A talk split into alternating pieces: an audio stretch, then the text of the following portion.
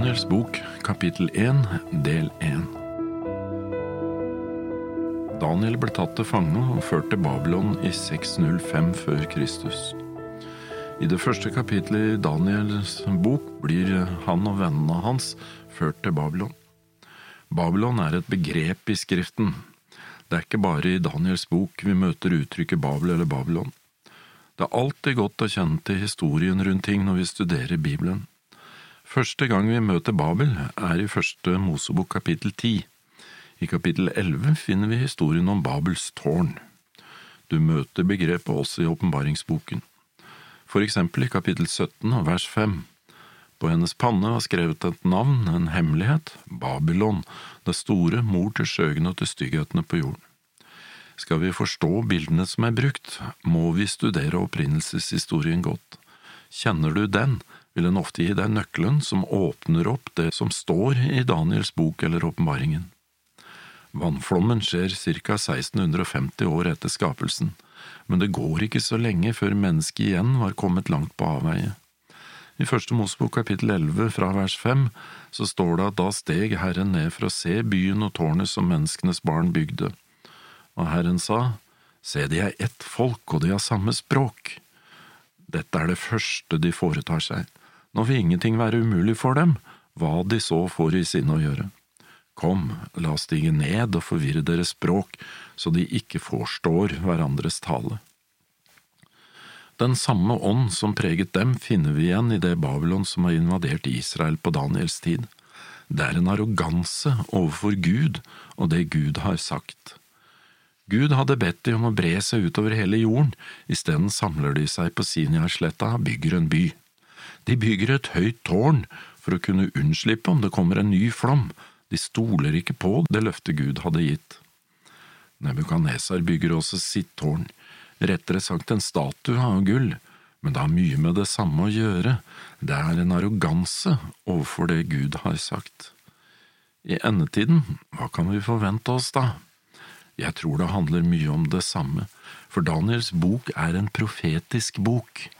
Det blir et åndelig byggverk for å endre på det Gud har sagt. Satan har adoptert Guds metode fra Babels tårn.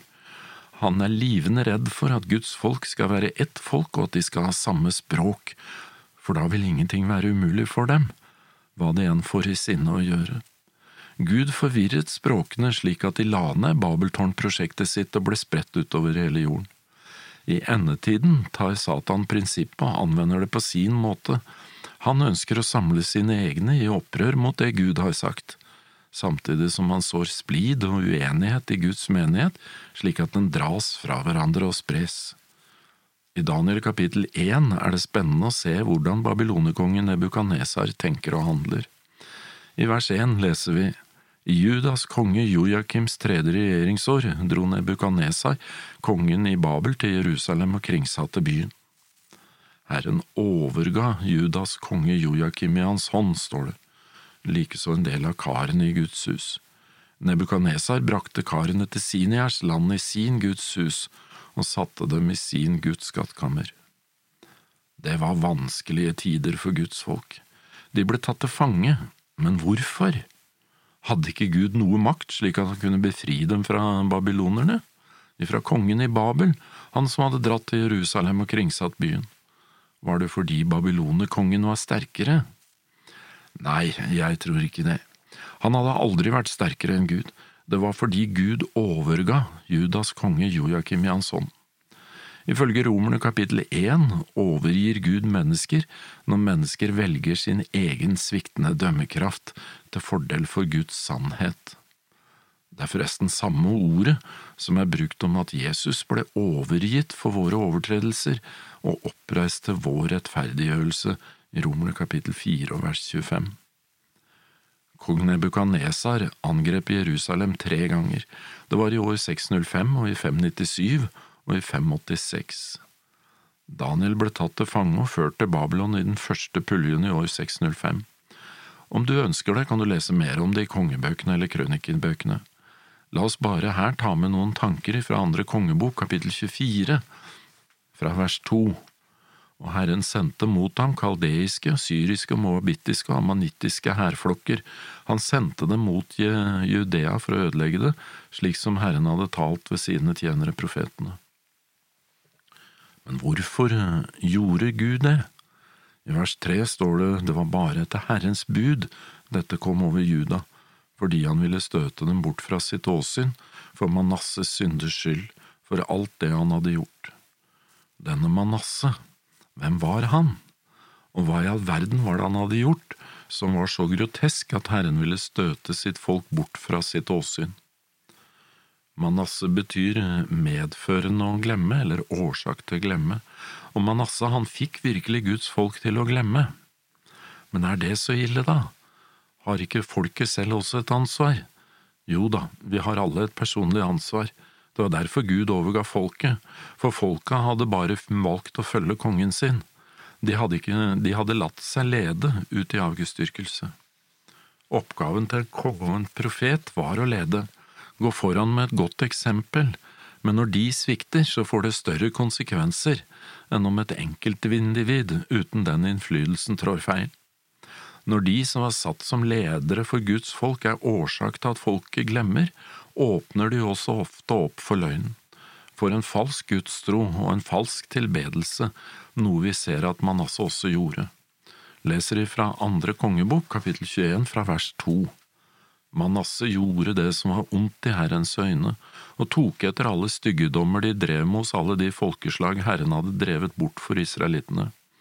Offerhaugene som hans far Hiskia hadde ødelagt, de bygde han opp igjen. Han reiste alteret for Baal og laget asherapeiler, slik som Akab, kongen i Israel, hadde gjort, og han tilba og dyrket hele himmelhæren. Selv i Herrens hus bygde han slike altere, enda Herren hadde sagt, I Jerusalem vil jeg la mitt navn bo. I begge foregående tempelet bygde han altere for hele himmelhæren. Manasseh lot sin sønn gå igjennom ilden. Han drev med tegntydning og spådomskunstner og skaffet seg åndemanner og spåmenn. Han gjorde mye som var rundt i Herrens øyne og vakta hans harme. Ashera-bildet som Manasseh hadde laget, stilte han opp i det huset som Herren hadde talt slik om til David og hans sønn Salomo. I dette huset, i Jerusalem, som jeg har utvalgt, blant alle Israels stammer, vil jeg la mitt navn bo til evig tid. Han vakte Herrens harme, leste vi. Så hva er Guds harme? Guds harme er ikke at han ønsker å ødelegge oss, men heller at han på en måte tar sin velsignelse fra oss og overlater oss til oss selv. Han lar oss få lov til å erfare at det vi driver på med, ødelegger oss. Guds folk ble forlatt av Gud, ikke fordi Gud ønsket å forlate dem, men fordi de ikke ønsket at han skulle være hos dem, fordi de ønsket noe annet. Gud tvinger dem ikke. Folket ønsket Guds makt til å overvinne sine fysiske fiender, men ikke til å vinne seier i sitt eget liv over avgudsdyrkelse og andre synder de drev på med. Profeten Jeremia hadde advart de.